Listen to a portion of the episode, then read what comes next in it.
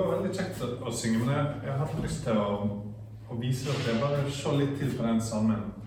Eh, For, for sånn som jeg sa i stad, så tror jeg det er en gjennomgående ting at når folk snakker om sjelesorg, eller når folk møter folk med problem, så tenker de at nå må vi finne på noe helt annet. At eh, denne personen trenger noe helt annet. liksom.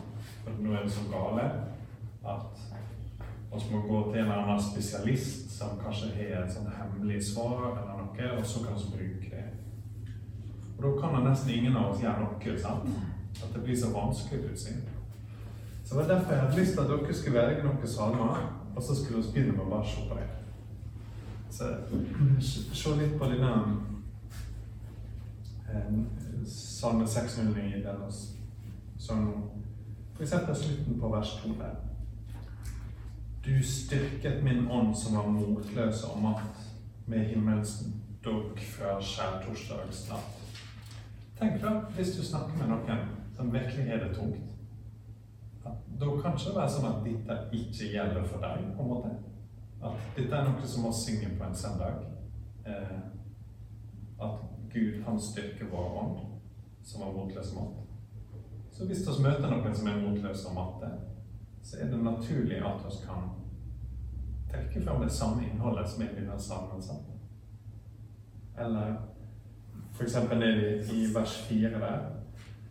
Du renser mitt hjerte, her er det med hjertet igjen, sant? Med kjærligste tukt, og bløder en gren, den bærer dog frukt. Frukt. Frukt. um, så igjen, da. Hvis vi møter noen som har et eller annet de trenger å bli utfordra på, at de gjør noe som ikke er sunt for deg eller for andre, så kjenner oss eh, Han som renser våre hjerter med kjærligste tukt. Mener du at du kan ta fram eh, sang, denne sangen, eksempel? Nei, jeg mener noe litt annet. Hva du mente? Jeg mener noe litt annet, som jeg skal forklare. Oh, ja. Eh, det jeg har lyst til å snakke til dere om, er det som vi vanligvis kaller sjelesorg. Og, og sånn som jeg sa, så er det, eh, det er noe litt annet enn det å holde en tale eller andakt. Eh, det ligner mer på det å bare ha en vanlig samtale. Men innholdet i det er ganske interessant. sant? Så la meg gi dere et eksempel. Her er mann som jeg kjenner. Jeg kjenner ikke til å si hva han heter, som dere vil forstå etterpå. Som eh, Jeg studerte teologi da. Så blitt en mann som kan masse om Bibelen. Eh, han var skikkelig smart. Og han eh, kunne masse om Bibelen. Men han hadde det ganske vanskelig inni seg. sant? Han eh, eh, var urolig, og han kunne av og til være ganske høyt oppe og av og til ganske lavt nede. Og det kunne svinge i løpet av samme dag. Hvis du skal snakke med denne mannen om det, hvis han kommer til deg og så sier han, du eh, Jeg føler meg så urolig. Eh, det er så masse inni meg så vet jeg han kan masse om Bibelen. Så det er ikke det at han ikke har lest nok i Bibelen. på en måte. Han kan masse kristne sanger, og han studerer teologi, så han er nå på en måte langt inni dette. Likevel så er det ting inni han, sånn som det er inni alle, sant? Eh, som er urolig. Dette er ikke et sånn veldig voldsomt eksempel, men vilje sier si et veldig mildt eksempel. Det er ikke mer voldsomt enn det, at han er litt urolig. Hva skal jeg si til han da? Og ofte er det ganske overveldende sånn. At med en gang noen kommer og spør om noe, er det ingenting å si. Eh, kanskje du skal gå og snakke med, med en ekspert. Kanskje du skal gå og snakke med presten, eller finne en psykolog og snakke med deg. Men det er nok på en måte en måte å avvise folk på. Hvis noen er kommet til oss, så er det ikke sånn at oss trenger å sende deg videre til noen andre bare fordi de er litt urolige. sier sender seg sjøl. Men hva skal jeg si? her? Skal jeg forkynne en tale til deg? For det går ikke an på en måte. Bare sett, sett deg her. Jeg hører du er urolig. La meg holde en kort tale til deg om hva Bibelen sier om uro. At det, det passer ikke seg helt. Det blir på en måte litt feil, det også. Um, det blir litt for stivt, på en måte. Og tale er noe annet. Her. Tale er noe på en måte Bare sett deg her. Til store forsamlinger. På søndag så kan ikke jeg si Ja, jeg ser at den eh, Jon sitter der, og Jon sliter med dette og dette, og det må du tenke på, Jon, at dette gjelder deg. Hvis de hadde gjort det, så hadde det vært forferdelig sånn. Det å snakke om noe er ikke det. Å snakke ikke om det å stå foran en stor forsamling og trøste folk med Bibelen i en sånn generell måte som, som å si gjennom til andakt eller tale. Det å snakke om nå er når vi har én-til-én-samtaler, eller kanskje par-samtaler, eller sånn, der noen kommer med et eller annet ekte. Nesten samme hva, hva det er. Det kommer et eller annet som eh, ligger deg på hjertet, som de sier i, forbønnen. Det har et eller annet. Og så kommer de og forteller det til oss. Og hele den pakken der kan tegne det sånn at noen kommer til deg med et eller annet. Så er det en hel pakke med ting som skjer, og så går de videre med livet sitt. Hva er det skal putte inn her? i den pakken. Eh, hvis dere er med på det bildet. Hva, hva skal skje, på en måte? Så jeg har ikke tenkt å, å være så super eh, Hvis det er greit for dere, dere kan få, få velge litt sjøl. Men jeg har egentlig ikke tenkt å gi dere så masse tips. Jeg har ikke tenkt sånn Når du har en sjelesorgsamtale med folk, da er det lurt å først begynne med å høre veldig nøye etter hva de sier. For det kanskje er det sånn at du misforstår, og så begynner du å snakke i vei om et eller annet. Det er noe veldig viktig. Og jeg har noen, kanskje mange andre tips som jeg gjerne kunne gitt dere. Men det tenkte jeg skulle ta litt seinere. Jeg hadde lyst til å snakke litt mer generelt først. Um, om hva, hva er dette? Er det vår jobb i det hele tatt? Skal vi liksom holde på å ta seg av sjelene til hverandre? Er ikke det Guds jobb eller min jobb? på en måte? Er det noe som alle i menigheten skal holde på med? Eh, det er derfor jeg har lyst til å vise dere at dere kan plukke hva salme som helst. Dette vil du like. Så godt som hva salme som helst fra salmeboka. Finne et eller annet som passer i den buksa. Det er veldig ofte sånn at noen kommer oss kommer til oss med og så passer den kristne trua vår inn i boksa. Det er ikke sånn at vi trenger å fylle denne boksa med noe annet enn Jesus. Og Jeg skal snakke litt mer om hva jeg mener, for når jeg sier disse tingene, så er det lett å tenke sånn Ok, han mener at hvis noen kommer med et problem, så må jeg finne den salmen som passer best, synge den til deg, og så kan jeg sende den videre. Det er ikke det jeg mener. Jeg mener det eh, Nå jeg sett litt mer sånn overordna nivå. Hvordan skal vi tenke om disse tingene? Eh, kan også si det med bibeltekster sånn. Noen kjent med Hva bibeltekst er det du har i bakhodet? Nyttig eksempel kan være unger. For da er det lett å se at du kanskje bare forkynner en tale til deg. Send Så sånn min kjent med eh, for det er jeg redd for noe. Det er redd for nå om dagen, er tigeren som bor i kirka. så han, eh, han kitser sånn en dag den kom. Så ser jeg at han kommer, og så sender tigeren skummel.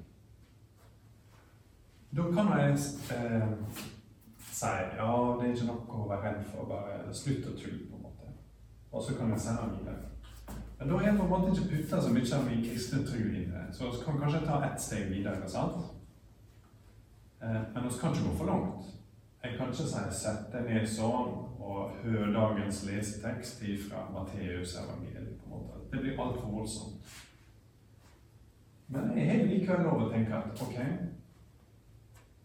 eh, Jeg kjenner Jesus. Han kjenner Jesus. Jeg kan si et eller annet om det. At jeg har hørt hva som er problemet hans. Det er et eller annet med den kristne trua som kan gi han et større håp. sant? Det er ikke sånn at bare ah, ikke tenk på det. For det er noe masse som kan være redd for. Det er en legitim ting å være redd. Eh, og oss har en Gud som møter oss med trøst. Så kan vi gå videre. Eller du kan ta og skal holde på med mange eksempler, men er dere med så langt? Jeg prøver jeg prøver å gjøre to litt vanskelige ting. Jeg prøver å si at dette er veldig vanlig. Dette er bare helt vanlig kristendom å snakke om. Og så prøver jeg å si at dette er noe litt spesielt. så de to tingene passer egentlig ikke helt sammen. Um, Kan du være så snill å snakke litt høyere? Ja. Jeg hører jeg litt nærmere men jeg, hører ikke alt. Nei, men jeg snakker alltid for lavt. Så du må bare tilgi meg og si fra. Og bare peke litt opp, så skal jeg skjerpe meg. De tingene som oss leser i Bibelen, og de tingene som oss ber i bønnene våre og synger i salmene, og som jeg sier i talene mine, som vi hører i andakter på bedehuset og sånn Hvis de tingene er sanne, så må de også funke i én-til-én-samtaler med folk som er det vondt. Ellers så er ikke de nok for oss. Og da må vi gå tilbake til Bibelen og finne ut hva som er feil. Og så må vi sjekke salmene og synge en gang til om de faktisk er bibelske og, og sånn. Det er én ting. Å faktisk få det til er en ganske annen, som vi egentlig må snakke litt mer om senere. For én ting er det at oss har funnet hva det er som vi kan gi til deg. En helt annen ting er å faktisk gi deg. Og igjen, jeg sier ikke det at vi skal eh, gjøre dette på en veldig enkel måte. sant? Og det er dessverre ofte det vi er kjent for i verden utenfor. Kristne kan være litt avvisende for folk som har det vondt. Type sånn Noen kommer med et skikkelig tungt og ekte problem, og så møter de Ja, bare be litt. Eller jeg skal be for deg. Og det er noe kjempefint, det. Og det kan hende akkurat det de trenger, er bønn. Men så blir det sånn Bare be litt. Og så blir det en, en liten greie sant? som du egentlig bruker til bare få vekk et problem. Sånn at du slipper å ha noe med det å gjøre. At det kom noe med noe stort og kanskje litt voldsomt. Og så sa du Ja, bare, bare les litt i Johannes-evangeliet. Det kommer sikkert til å handle. Johannes-evangeliet har endra livet. Johannes-evangeliet er helt fantastisk. Men hvis du sier til noen 'bare les i Johannes-evangeliet', så har du på en måte ikke putta så mye inn i boksen. Det er ikke så mye som en treffer livet til den personen. sant?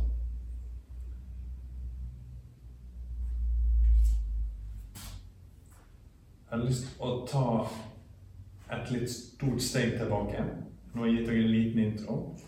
Jeg har bare lyst til å vise dere at jeg ikke plukker dette ut fra mitt eget hode, men fra, fra Bibelen. Eh, andre Korinterne 1, vers 3 og 4.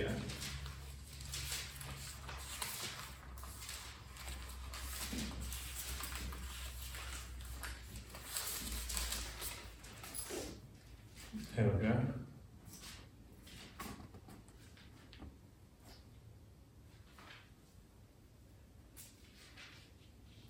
Andre Korinterbrev, kapittel 1, vers 3 og 4. Lover være Gud, vår Herre Jesu Kristi Far, den Far som er rik på miskunn, og Gud som gir all trøst.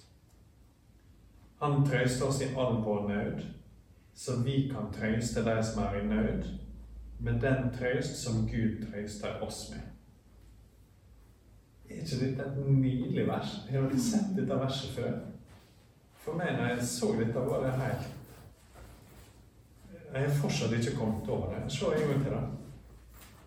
Lova være Gud, vår Herre Jesu Kristi Far, den Far som er rik på miskunn, og Gud som gir all trøst. Dette er en tanke som er ganske langt med, sant?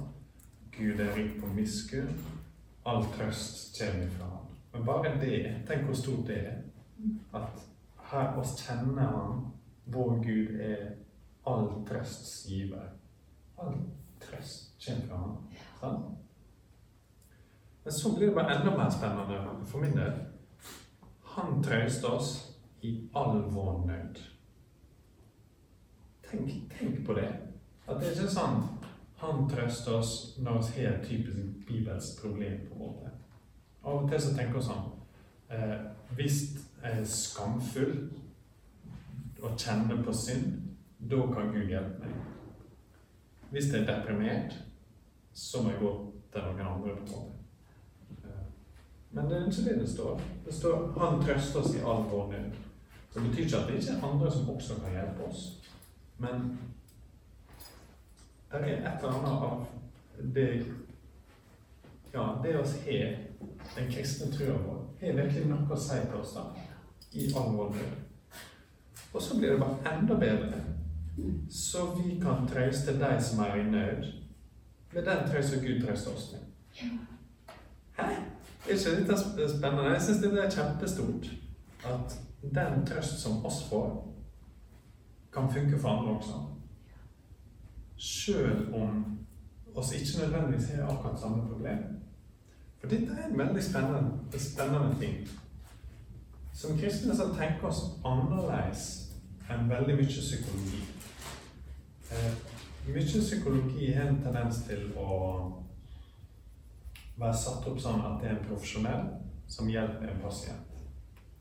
Så jeg er på en måte litt kobla av. Klart det er stor variasjon, og det er umulig å snakke om psykologi som én ting. Eh, Men for, se for dere, da. Eh, liksom Når noen ligger på en sånn divan eh, og er med psykologen sin, og så sitter psykologen bak. sant? Da er det tydelig hvem som har problemer. sant? Det er den som ligger som har problem, og så er det en som er der for å fikse det. Sånn blir ikke det med oss. oss er alle i samme båt. sant?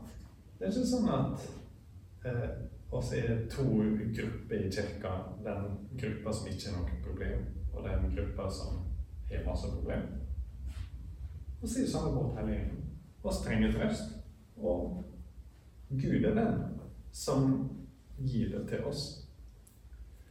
Så jeg syns dette er så spennende at den spesifikke trøsta jeg får har et problem. Gud jobber i livet mitt gjennom folk, gjennom ordet sitt, gjennom at å synge, gjennom å be. Og så får jeg trøst. Hans trøst kommer i livet på en eller annen måte. På en spesifikk tid. Så hvis du skal gå tilbake til tanken vår om bokser, så kommer dette av meg inn. Det er en spissa ting, sant? At det, til mitt problem så fikk jeg en trøst. Jeg får ikke bare sånn vag trøst. Kanskje en større forståelse av hvem Gud er, som gjør at akkurat i mitt problem så får jeg hjelp. Den kan gis videre. Den er ikke så spesifikk at den kun gjelder for meg. Han trøster oss i all vår nød, så vi kan trøste den som er i nød, med den trøst som Gud trøster oss med. Og så får jeg trøst som kan gi videre. Og du kan si det dette er interessert i. Hvordan funker dette? da? Si at vi skal gjøre det. Eh, hvordan ser det ut? Kan jeg gi dere et mer ekstremt eksempel for å Ja, litt mer voldsomt. Igjen fra teologistudiet. Det er mer action på teologistudiet enn du skulle tro. Eh, en annen mann på på teologistudiet. Jeg skal ikke si hva han heter, han heller. Eh, men det var en dag han satt på kjøkkenet mitt. Og så eh, så jeg at han hadde noe sår på hånda si. Han satt sånn, og så hadde han sår på hånda. Og så spurte jeg når fikk du til å sove? Og så svarte han ikke i antall dager, og ikke i antall timer, men i antall minutter. Da hadde han rett og slett skåret seg sjøl med en kniv på kjøkkenet. Fordi han hadde det så vondt inni seg. sant? Igjen ganske nyttig å tenke på. Ok, dette er sikkert fordi han ikke kan noe om Bibelen. sant? Og så vet han at det ikke det. Han er på teologistudiet. Han kan masse om Bibelen. Det er en person som er aktiv i trua si, som eh, er med på mer gudstjeneste enn noen av oss er nå. Vi altså, altså hadde gudstjeneste hver dag i veka. Og snakka masse om Jesus. Og så leste masse i Bibelen. Likevel så har han det så vondt inni seg eh, at han ender opp med å skjære seg i hånda for å finne en måte å gi uttrykk for. For å gjøre det enda mer komplekst Beklager det for et så voldsomt eh, eksempel, men jeg håper det er greit. Så var det andre folk i hans familie som hadde samme eh, situasjon. Og det hadde skjedd ting tidligere som eh, Ja. Som bidro inn til at han hadde, hadde det så vondt. Har vi noe med det å gjøre? For nå begynner det å bli ganske voldsomt. sant? Nå vet vi at ok eh, Jeg var ikke gamle karen, sant? Eh, og jeg hadde akkurat oppdaga litt av verset her og begynt å tenke på disse tingene her. Men dette er sikkert ti år siden. Eh, så ja, hva skal jeg si? Har vi noe i det hele tatt å si til ham? Er det sånn at oss ja, gjelder dette verset fortsatt? På en måte er det et litt dårlig eksempel, for ting ble sånn at eh, jeg vet ikke hele historien videre. Så jeg skulle gjerne hatt et eksempel der jeg kunne si hvordan det gikk. Så derfor får det bli et litt sånn generelt eksempel. Med at eh, oss gjorde konkrete ting. Eh, jeg spurte han liksom om spurte han spørsmål for å høre hvordan det er. Har du tenkt på å ta livet ditt? Og så videre og så videre. Det han. Så det- dette var kjempealvorlig. Og så er det liksom veldig høyt på alvorlighetsgrad. Men det er en del ting som fortsatt gjelder, sant? Noen sin motsatt ende. Her vi et veldig rolig eh, eksempel med en som bare var litt urolig. Her er vi på ekstreme ting som de færreste av oss møter. Men det er noen ting jeg har lyst til å vise dere. Disse to er ikke på ulike planeter. Det er et spekter her, der kanskje har sine problemer er Si at de her er ni av ti, og hans problemer kanskje er én. Men de er fortsatt i samme båt, på en måte. Det er ikke sånn at det er to typer mennesker. At det er et eller annet skille her. At det er sånn en boks her, og så er det en boks her, og de har ingenting med hverandre å gjøre. Ok, det er absolutt ting eh, i livet til denne mannen som krever masse mer eh, fokus. Trenger lange samtaler, trenger masse oppfølging, må gjøre konkrete ting. sant? Og så fulgte han opp og dro- inn eh, et mye større system. Her er det ikke naturlig å begynne å dra inn et stort system fordi han er urolig. sant? Og så gjorde ting veldig fort. Og så masse med en gang. Um, egentlig er jeg ikke sånn kjempeinteressert i akkurat hvordan casen gikk videre, selv om det kanskje er dumt siden det er så dramatisk. Jeg vet at han hadde det mye bedre etterpå. Men jeg har bare lyst til å vise dere litt at hvis Gud trøster oss i all vår nød, eh, så har vi likevel et håp om at oss kan ha noe å si til og med til han. Det er nok kraft i de tinga oss eh, har å si, til at til og med til sånne voldsomme ting, så er det det vanlige ting i bunnen. sant? Det er masse annet også som kan spille inn, men å ha det vondt inni seg er ikke helt ukjent for oss. Kanskje du har hatt vondt inni deg på to på Richters skala. på en måte. Du hadde et lite jordskjelv. Kanskje han er ni på Richters skala. At det er helt eh, ekstremt. Det er fortsatt et jordskjelv. på en måte. Det er fortsatt samme tingen som skjer. og Samme, samme univers. Jeg skal stoppe videoen litt, så skal jeg snakke litt om det. Så jeg høre hva dere tenker. Um, sånn som jeg sa, dere får egentlig bare en fagrett i dag. For jeg har en ganske eh, Jeg har en ganske eh, Ja. Jeg har en farma tanke om hvordan dette skal virke, og hvordan det skal se ut. Se ut, og at det er mye større. At det er liksom, som du sa, at det er ikke bare for meg og for Kristin som er diakon. Og det er ikke kun for, for den som er på Kirkens SOS eller sånn. Dette er noe som gjelder alle kristne. Og til og med dette er noe som gjelder i alle samtaler på et eller annet nivå. Og hjelper alltid folk til å bli komme nærmere Jesus, eller så skyver oss det lenger vekk fra Jesus. Så Derfor er det liksom livet vårt er sånn. Det er ikke alltid på eh, ni rikterskala. Av og til men ja. Så for å lære litt om teologer, så er det ofte ganske spennende å høre hvem de er, før du får høre ideene deres. Derfor i dag hadde jeg tenkt dere å bare fortelle om hvem en mann er, sånn at dere kan navnet hans og veit mer om hvem han var enn de fleste som leser bøkene hans. Og så seinere en annen kveld eh, så jeg tenkte å fortelle meg om hva han sa, på en måte, hva som var sine tanker. Men jeg tror det er litt lettere å forstå hvis dere har hørt litt om ham.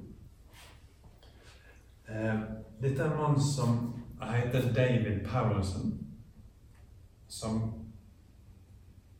i 1969 eh, var på Harvard-universitetet, som dere har hørt om, sant, i USA, og studerte. Jeg var ikke i live i 1969. Eh, det var noen av dere, så dere husker kanskje hvordan det var.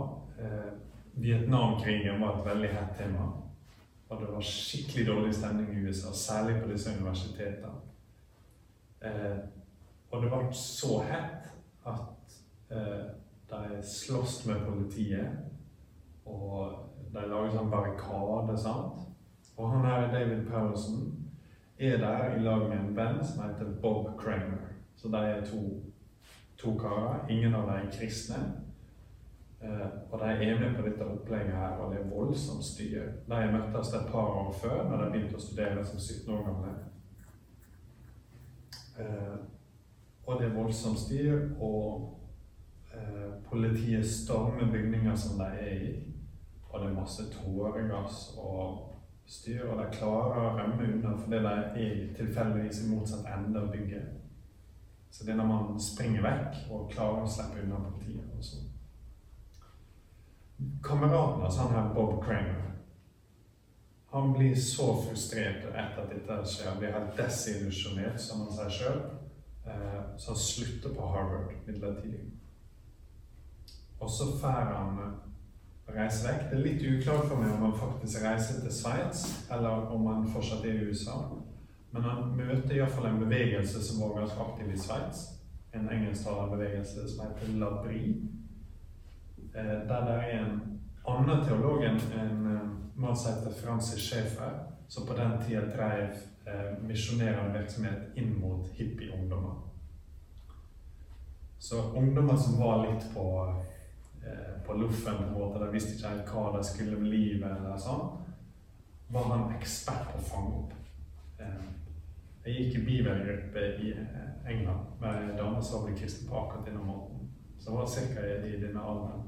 Hun hadde vært i i Sveits. Og sånn, hva skal jeg med livet? Og så hadde hun møtt kristne som hadde en litt spesiell måte å evangelisere på.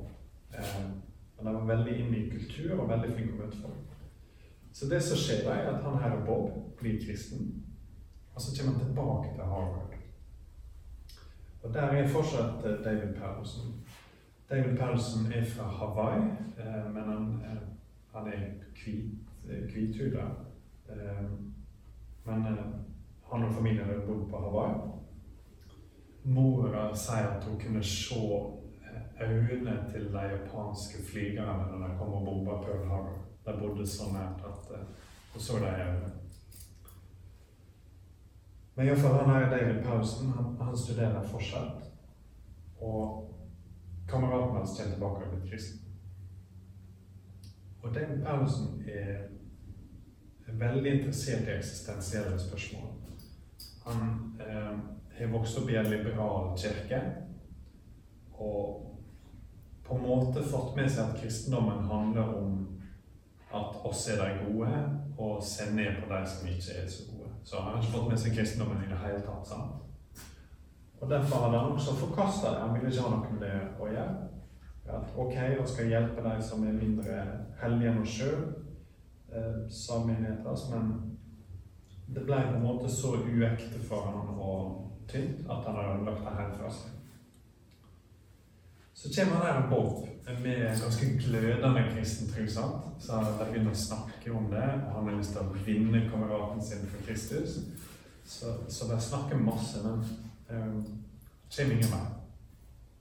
Så han her David Powelson eh, prøver å forstå, men det kommer på en måte ikke noe.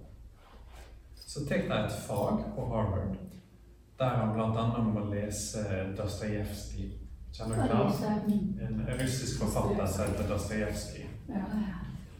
Så han leser brødrene Karamazov blant annet. Som er Nei, det kom med helt igjen når jeg leste starten. Eh, Men jeg kan lese hva han sier. Han sier brødrene Karamazov er en av de første og fremdeles en av de beste av det en kan kalle en psykologisk roman. Dostojevskij hadde en slik følelse for de ærlige kampene i menneskesjela, eh, og det endra verden min. Kristendommen fikk et grep i livet mitt. Han sier, det er ikke sånn at han blir kristen fordi han leser den boka, men han begynner på en måte å forstå litt hva ordene betyr. Så plutselig er det sånn at når kameratene snakker om godt og vondt, så gir det mening for ham på en annen måte enn det gjorde før. Og når han begynner å snakke om synd og forsoning, så gir det mening. Jeg vet at oss nå er litt ute på viddene, sant? men dette er en introduksjon til en eh, teolog som, som blir ganske viktig senere. Søndag kveld 31. august 1975 så sier han her eh, Bob til kameraten sin at du, jeg og Diane, kona hans, oss respekterer deg, men måten du lever på, det ødelegger livet ditt. Kan ikke holde på sånn. Og det treffer han David noe voldsomt. Nå er det masse ting som er skjedd, sant? Og han vet at han er rett. Eh, Og han får en voldsom sånn syndenød. Han kjenner at han er en synder. Og han vet ikke sjøl om eh, det går ett minutt eller ti minutter før han spør hvordan skal jeg bli en kristen.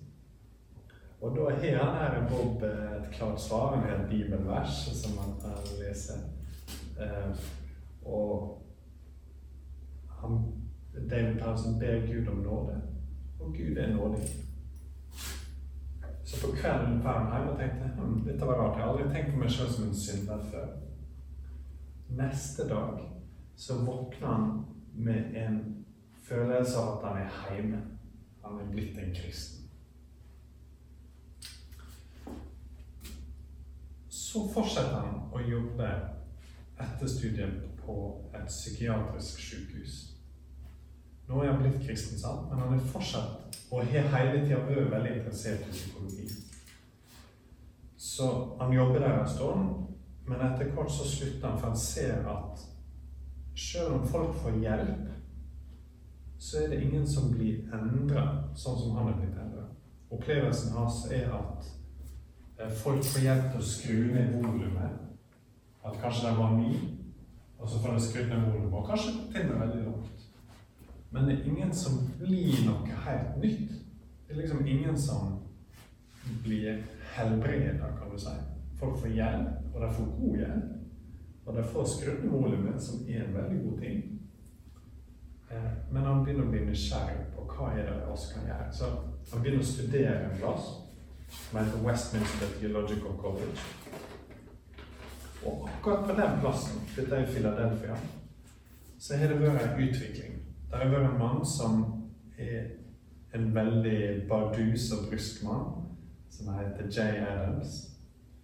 Som har sagt til alle at de har ikke peiling. Så han er pastor, typisk amerikansk pastor kanskje, så han har kommet eh, busende inn og sagt at ingen har peiling på kristen sjelesorg unntatt meg. så, sånn som ingen nordmann noensinne ville gjort sånn. Men det som er at han har et lite poeng, han her er Adams. For det han sier, er at alle andre rundt ham ser han at når det kommer til eh, å hjelpe folk med problemer, så er det en tendens til å hente inn en helt annen måte å tenke på.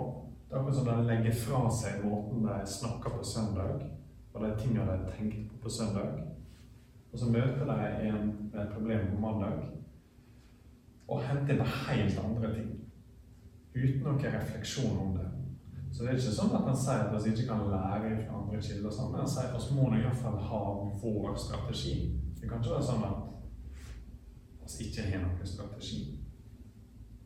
Så David Paulsen kommer inn i dette miljøet her, og etter hvert som året går, så ender han opp med å ta over for han her Adam. Så de to er omtrent motsatt personlighetstype, mens Adams er veldig bardus og voldsom.